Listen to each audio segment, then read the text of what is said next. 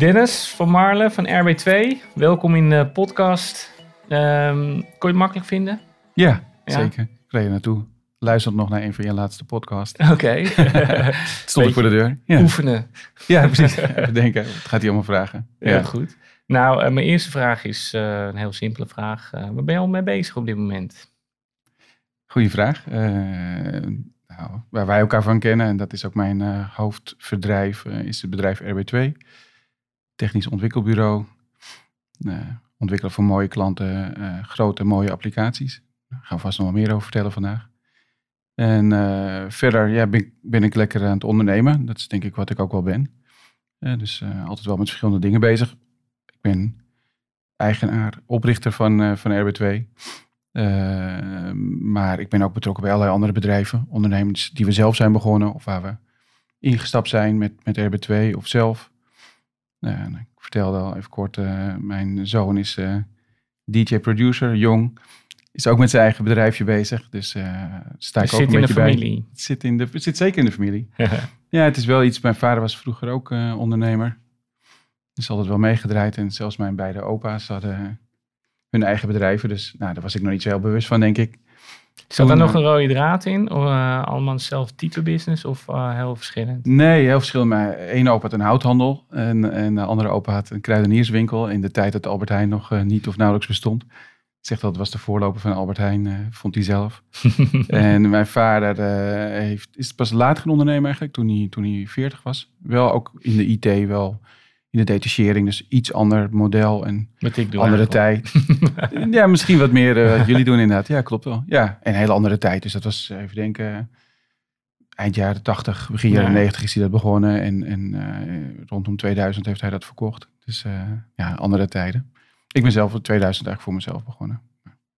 Hey, en ehm, Misschien even beginnen met RB2. Ja. Nou, wij zeggen intern altijd RB2. Ja. Dat hoor je misschien vaker, maar bij ons is het ook omdat we anders mijn collega's niet uh, begrijpen. Ja. Uh, dus het kan zijn dat ik soms me verspreek in RB2 zeg, maar het is RB2 volgens mij gewoon. Um, kun je vertellen, wat doen jullie precies?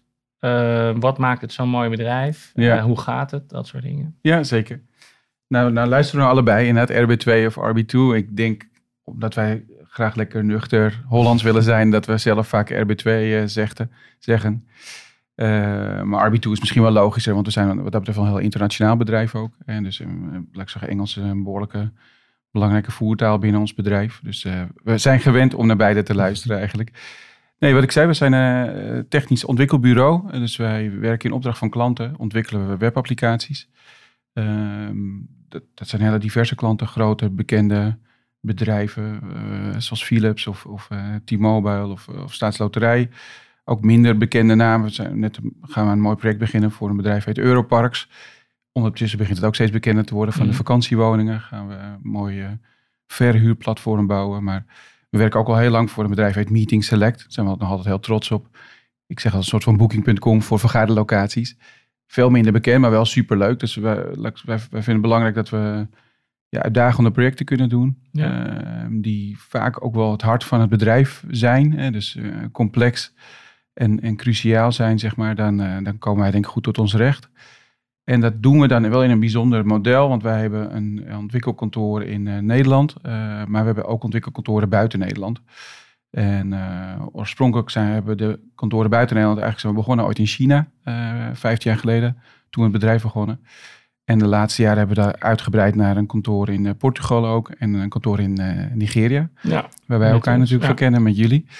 En uh, dus het model is dat we in Nederland hebben we wel ook, hebben we laatste jaar ook hard aan gewerkt, uh, lead developers zitten en vooral heel veel projectmanagement en architecten. ook een stuk business consultants. Dus doen we hele actieve begeleiding voor de, de, klanten om goed te snappen wat ze nou willen en ook mee te denken wat, wat ze waarschijnlijk het beste kunnen gebruiken. En, en doen we de begeleiding van de hele ontwikkeling, inclusief de begeleiding naar de ontwikkelaars buiten Nederland. dus de klant heeft eigenlijk niet zo heel veel te maken met, met of ze met Chinese of Nigeriaanse of Portugese ontwikkelaars eh, werken of met Nederlandse ontwikkelaars. Dat, dat begeleiden wij, dat hele proces. Maar het biedt wel veel mogelijkheden, eh, vinden wij. Want, want uh, je hebt gewoon veel meer beschikbaarheid. En dat is natuurlijk een groot probleem in Nederland altijd al geweest. Al van, nogmaals, wij zijn dit in 2005 begonnen. Toen was er al een groot tekort aan ontwikkelcapaciteit, aan ontwikkelaars. En dat is eigenlijk alleen maar erger geworden natuurlijk. Of het probleem is steeds groter geworden. Ja. Dus we hebben een grotere pool aan ontwikkelaars tot onze beschikking. En ja, het is prijstechnisch ook nog wel iets interessanter. Dat is in de loop der jaren wel wat meer naar elkaar toegegroeid. En dus toen wij het ooit in 2005 begonnen, was het verschil van de, van de salarissen van de toen nog alleen Chinese ontwikkelaars en de Nederlandse ontwikkelaars wel heel groot. En dat is wel flink naar elkaar toegegroeid, maar nog steeds scheelt het wel wat. Maar we kunnen vooral grote teams bouwen voor klanten en dat is denk ik belangrijk. En dat kunnen ze zelf dus niet? Of dat is moeilijker voor ze? Voor veel klanten wel. Laat ik zo zeggen, voor, voor, voor de grote namen die ik net noemde, de, de Philips of de T-Mobile's, wellicht niet. Maar dan hebben wij weer een bepaalde specialistische kennis die ze misschien zoeken. Uh, voor de wat minder grote bedrijven die ik net noem, is het wel moeilijker inderdaad. Of vaak een keuze dat zeggen, ja, wij focussen ons gewoon op, op de vakantiehuizen, zeg maar. Of, of de meetings uh, organiseren en niet de hele techniek uh, daarachter. Of dat kan in de loop der jaren ook veranderen. Dat wij beginnen met de ontwikkeling, dat ze dat later overnemen. maar het is natuurlijk moeilijk om. Wij, vaak werken wij met een team van. Nou, een klein team is drie, vier mensen. Maar het kan ook een team zijn van 10, 12 mensen dat recruit je niet zomaar in Nederland als, als niet puur technisch bedrijf. En dus kijk, iedereen wil bij Google werken en, en Booking.com, dat snap ik ook wel. Uh, maar wat minder snel bij de bedrijven die ik net noemde, zeg maar. En ook misschien minder snel bij een RB2. Maar ja, wij zijn dan wel weer een heel technisch bedrijf met heel veel verschillende uitdagende projecten. Dus wij hebben dan wel weer ook iets bijzonders te bieden dan ja, één, één bedrijf met één project. Zeg maar. ja. Dus, uh, ja. En wat doe je zelf binnen het bedrijf? Wat is je eigen rol als ondernemer? als ondernemer, ja, ik ben vooral ondernemer eigenlijk. Dat, mhm. dat, daar zat ik onderweg hier naartoe wel na te denken van, wat, wat is mijn, nou, ik weet wel wat mijn rol is, maar wat, wat ben ik eigenlijk voor persoon? En ik zo, de rol, officiële rol is dat ik de CEO ben. Uh, nee, je merkt het misschien al. Kan je zelf uitspreken? Jij wil, ja. bepaal ik zelf, dus wat ik doe de hele dag. Dan kan ik lekker hier zitten. nee, ja, wil ik zeggen, ik vind, op het moment dat ik het uitspreek, vind ik het altijd wel lastig. We zijn niet zo van dat soort titels, maar naarmate we wat groei aan het groeien zijn. Uh, we zijn op dit moment zo met zo'n 80 eh, man groot. Is het wel belangrijk om wat titels te gaan benoemen, om wat, wat domeinen af te bakenen, zeg maar. Dus ik heb daarin de CEO-titel. Uh, mijn compagnon is CTO en, en Mark, goede bekende voor jou ook, is de COO, zeg maar. Met z'n drieën besturen het bedrijf. Met heel veel goede mensen daar ook weer omheen. Ja, en daarin hou ik me vooral bezig, wat ik al zeg, met, met zeg maar de sowieso natuurlijk de commerciële uh, activiteit, maar meer de, de zakelijke kant van het bedrijf. Waar, waar Richard zich drukker maakt, de CTO, eh, over de, de technische kant van het bedrijf. En dat het technisch allemaal klopt, wat eigenlijk het grootste gedeelte van het bedrijf natuurlijk ook is. En Mark vooral heel druk is met de operationele kant van het bedrijf. En dus zo hebben we dat met elkaar verdeeld. Um, ja, na CEO wil ik, ja, wat ik al een paar keer benoem, ik denk dat ik vooral ook ondernemer ben. En dus uh, ik, ben niet, ik ben zelf niet technisch, ik heb een bedrijfseconomische achtergrond.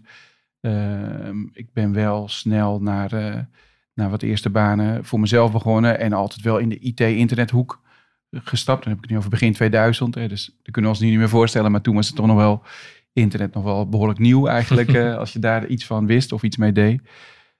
wat deed je dan in, in je eerste bedrijf? Nou, misschien, uh, wat ik zeg, ik ben bedrijfseconomische opleiding afgerond. En daar ben ik in een management traineeship terechtgekomen bij ABN AMRO. En vanuit daar uiteindelijk bij de investeringspoot van ABN AMRO, dus de venture capital tak eigenlijk, ABN AMRO Capital, gezeten, zes jaar lang. En als investment manager. En dat was eens te gek. paste goed bij mijn opleiding, ook bij wat ik wil. Want ik, ik vind het mooi om te investeren. En daarin kon ik ook misschien al een beetje wat op afstand mee ondernemen. Mm. maar ik merkte wel dat ik ook niet helemaal gemaakt was voor zo'n groot bedrijf. Dus, Hoe merkte je dat? Ja, ik ben wel van het snelle schakelen en, en, en ja, dingen kunnen regelen. Het is, het is gewoon wat bureaucratisch, zoals we dat denk ik allemaal wel kennen. En, uh, en dan was onze afdeling eigenlijk relatief klein en stond behoorlijk los van de grote bank.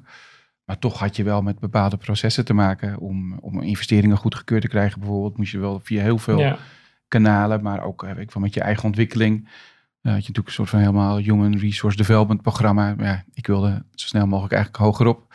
Maar dit herken ik wel, ja. Ja. Ik heb zelf ook van, uh, als ik dan nu iets bedenk, dan wil ik dat het morgen gaan implementeren. Ja. Of eigenlijk liefst vanmiddag nog, ja, weet je wel. Maar, ja, ja. Kan uh, ook, toch? Ja. Nou ja, dat kan wel, totdat je dus je eigen bedrijf wat groter wordt. Want niet alle mensen die voor jou werken zijn ondernemer. En dan Klopt. heb je ook wel eens ervaren dat je dan merkt van... hé, hey, wacht eens even, ik wilde altijd zo snel, weet je wel. En nu merk ik in mijn eigen bedrijf dat, En terecht vaak ook wel hoor. Mensen ook uh, op de rem gaan staan. Ja, ja, ja. grappig, want dit, herken ik heel erg. Dus wat, want terug die kan ik die twee vragen eigenlijk wel combineren. Dus na, na zes jaar prachtige tijd, ABN AMRO, uh, enorm veel ondernemers ontmoet, businessplannen gezien en mogen investeren in prachtige bedrijven. Ben ik lekker in begin 2000 voor mezelf begonnen met, met een compagnon. Echt een bedrijf van nul opgebouwd. Uiteindelijk uitgebouwd naar wat, we, begonnen letterlijk met websites bouwen. Eigenlijk was het helemaal niks, maar dat hebben we verder uitgebouwd naar een, wat we toen noemen een interactief marketingbureau. Het bedrijf bestaat nog steeds. En uh, uitgebouwd naar 30 man, een mooi managementteam en alles. En op een gegeven moment kwam ik in zo'n fase inderdaad dat ik, dat ik we hadden zelfs een eigen pand gekocht. En dat ik in mijn eigen pand vergaderkamers moet gaan, moest gaan boeken, zeg maar. En, en, en rekening moest houden met alles en iedereen toen werd het eigenlijk in mijn eigen kleine bedrijfje, wat het nog was, werd het al behoorlijk bureaucratisch. En daar, daar kan ik gewoon niet zo goed mee omgaan. Ik snap wel dat het moet. Ik, ik denk dat ik in de loop der jaren, afgelopen nou ja, tien jaar, twaalf jaar ben ik alweer met RB2 bezig, ook wel beetje daarmee heb geleerd dat sommige dingen dus wat langer duren. Of dat je ook rekening hebt te houden met, met andere processen en andere mensen. Maar het is, het is niet mijn kracht of zo, zeg maar. Ik ben, ik ben ook niet heel erg van de processen. Dus ik ben ook hmm. niet een supergoeie manager of zo, denk ik, wat dat betreft. Ik ben echt veel meer ja, investeerder en ondernemer inderdaad. Ja, en uh, ik vind het wel leuk om te managen. Vooral om andere mensen te inspireren, zeg maar, om, om goed te managen eigenlijk. Maar ben zelf niet de typische manager. En, Geen uh, puntjes op de i. Uh... Nee, nee krijg ik, als, ik zeg heel vaak, van, en, en nu ons bedrijf groter en groter wordt, en zeker ook bijvoorbeeld een hoop nieuwe mensen binnenkomen, moet ik het wel wat vaker zeggen van, het is geen desinteresse of zo, helemaal niet in diegene of in waar ze mee bezig zijn, maar ik krijg er gewoon geen energie van om met... Ja details bezig te zijn. Soms vinden mensen dat vervelend, want die hebben zoiets, ja, je luistert niet of je vindt het niet interessant wat ik doe of zo. Nou, ik vind het heel belangrijk uh, en ben blij dat anderen het ook uh, doen, dat het zover is. Maar ja, ik, ik, ben niet zo van de details, meer van uh, de hoofdlijn inderdaad. Ja. ja, ik ken het wel. Ja, ik ben natuurlijk sinds het begin van corona niet in Afrika geweest. Nee. Ik ga wel volgende maand dan voor het eerst. Dat ja. is heel erg nodig. Ja. ja wij zijn verdubbeld. En dus ook qua aantal mensen verdubbeld. Ja, ik zeg een mooi kantoor voorbij komen. Ja, dat klopt. Ja, ik ook veel zin in. Ja, snap ik. Um, maar ik maak me natuurlijk dan wel zorgen van hoe ga je die cultuur, die ondernemende cultuur, die, wij zijn best wel avonturiers, weet je wel. Hoe ga je dat dan uh, borgen, weet je wel, in zo'n organisatie? Er komen allemaal nieuwe mensen bij. Nou, het is, er wordt veel remote gewerkt. Goed, een nieuwe kantoor gaat dus nu uh, open, dus dat is dan weer, we kunnen weer naar kantoor binnenkort, weet je wel. Maar... En, en dat, dat vind ik best wel dan maak ik me dan zorgen om van, voel ik me dan nog wel thuis zo direct in mijn eigen hmm. bedrijf, weet je, dat gevoel. Ik heb dat, dat heb ik letterlijk dus gehad. Dat was, uh, ik heb dat vorige bedrijf acht jaar lang gehad en uh, ben nog elke dag trots op. Maar ergens na een jaar of acht groeide ik een beetje uit het bedrijf. Of het bedrijf groeit misschien wel een beetje uit mij eigenlijk. En ik was met de compagnons aan begonnen en ik denk, ik zeg altijd de eerste jaren bestelden we samen de paperclips en deden we alles samen. Op een gegeven moment groeit dat ook wat uit elkaar. En dan kregen we wat andere ideeën over hoe het bedrijf verder te laten groeien. Uh, en uh, ja, toen ben ik gelukkig op daar op een hele mooie manier kon ik eruit stappen, kon het bedrijf verkopen eigenlijk. Hm. Waarin mijn uh, toenmalig compagnon meeging en, en, door kon gaan, zeg maar. En, en ik uiteindelijk uit ben gestapt. En, en toen uiteindelijk in RB2 ben gestapt, want het bedrijf bestond al twee, drie jaar. Ik leerde, dus ik leerde de toenmalige oprichters en nou, huidige companen zeg maar, kennen uh, vanuit mijn vorige bedrijf. En ik ben daar toen uh, ingestapt. En nou, met elkaar hebben we het bedrijf weer gegroeid tot waar we nu zitten. En ik moet zeggen, ik, ik, ik denk dat we elkaar daarin wel in aanvoelen van... ook ik sta wel, heb de afgelopen jaren ook alweer eens op zo'n kruispunt gestaan van... wordt het me niet te groot, wordt het niet te veel managen inderdaad... in plaats van lekker pionieren en ondernemen en dingen bouwen. Ehm, dus, maar wat ik zeg, je wordt zelf ook iets ouder... Mhm. Eh, dus daar denk, denk, ik iets wijzer. En wat ik wel leuk vind aan, aan RB2 is dat het gewoon nog echt heel veel potentie heeft om, om het nog vele malen groter te maken. Dus dat voelt ook wel weer als iets anders, maar wel als bouwen eigenlijk. Ja. dus daarom ben ik ook heel blij met eh, wat ik net zei met Richard en Mark, die uh, zeker Mark voorop daar heel erg met de operatie bezig is. Waar ja. ik gelukkig iets losser van kan komen. En dan kan ik weer lekker bouwen aan de volgende fase van het bedrijf. Als je dus mensen om je heen hebt die, die je dus aanvullen daarin. Hè? Dus die er misschien juist uh, inderdaad de ene kant dan dat meer hebben met processen en eventjes op de rem, om maar zo te zeggen. Ja. Dat is alleen maar top. Ja, mijn kinderen die uh, zeggen dan wel eens van, nou, papa, jij bent toch de baas, dus jij mag alles bepalen in jouw mm. bedrijf, weet je. Dan probeer ik ook uit te leggen van, nou ja, in theorie is dat natuurlijk zo. Maar als ik de hele dag dingen ga doen uh, die, mijn, die mijn collega's niet leuk vinden, dan werkt er binnenkort niemand meer in het bedrijf, weet je wel. Dus, uh, zo werkt het natuurlijk ook. Ja, ik zeg, ja zeker. Ik, iemand heeft me ooit een paar jaar geleden een keer de, de opmerking gemaakt, happy people make happy customers. En die heb ik toen wel gepikt. En daar geloof ik wel erg in. Van, Natuurlijk kan ik als een soort van boeman door het bedrijf heen uh, rennen. Wat ik sowieso helemaal niet ben overigens, maar zou kunnen, eh, omdat ik uh, de baas ben. zoals je kinderen dat zeggen. Uh, zoals mijn kinderen dat ook zouden kunnen zeggen. Maar ik vind het veel fijner als andere mensen zich gewoon prettig voelen. Ik heb ook helemaal geen zin en, in. nee, precies. Het past me al niet. En ik geloof er niet in. En, en die opmerking die is me toen altijd bijgebleven. En ik merk het echt als ik, als ik gewoon mijn mensen gewoon lekker blij heb en op een plek heb zitten en ze doen wat ze leuk vinden, dan, dan zie ik mijn klanten ook bloeien, zeg maar. En het is wel in die volgorde eigenlijk ook, ja, waar ik heel erg in geloof. Uh, ja. Er was ook nog een vraag die ik had, dus ik kan me niet meteen afvinken. Oh, nee, de vraag uh, was wel, wat is jouw signatuur als ondernemer? Ja, daar denk je natuurlijk ook wel over na, inderdaad, als je hier naartoe rijdt. Nou, eh, ik, ik heb een aantal van dit soort opmerking die ik merk wel vaak herhaal. Dus die happy people, make happy customers, die gebruik ik veel. Ik geloof al heel erg ook in uh, work hard, play hard. Dus voor mij is de balans. Ik vind het heerlijk om hard te werken. Ik, kan mijn dag en nacht wakker maken. En avond en weekend is ook geen probleem, maar liever eigenlijk niet meer ook. Ik ben er ook wel relaxter in geworden. Ja. Ik kan me echt nog tijd herinneren dat ik zeven dagen, voor mijn gevoel zeven dagen in de week moest werken. Maar dat geloof ik eigenlijk helemaal niet meer zo in. Dus, uh, maar hard werken, met elkaar ook hard werken en iets bereiken vind ik te gek. Maar ook wel lekker genieten, leuke dingen doen. Met bedrijf, maar ook, uh, ook privé. Uh, ja, ik denk dat, dat het hem daar wel erg in zit. Gewoon, uh, ik, ik merk dat ik zelf plezier heb in wat ik doe. En, en ik vind het belangrijk om, om dat met mensen om mij te doen die dat hetzelfde hebben eigenlijk.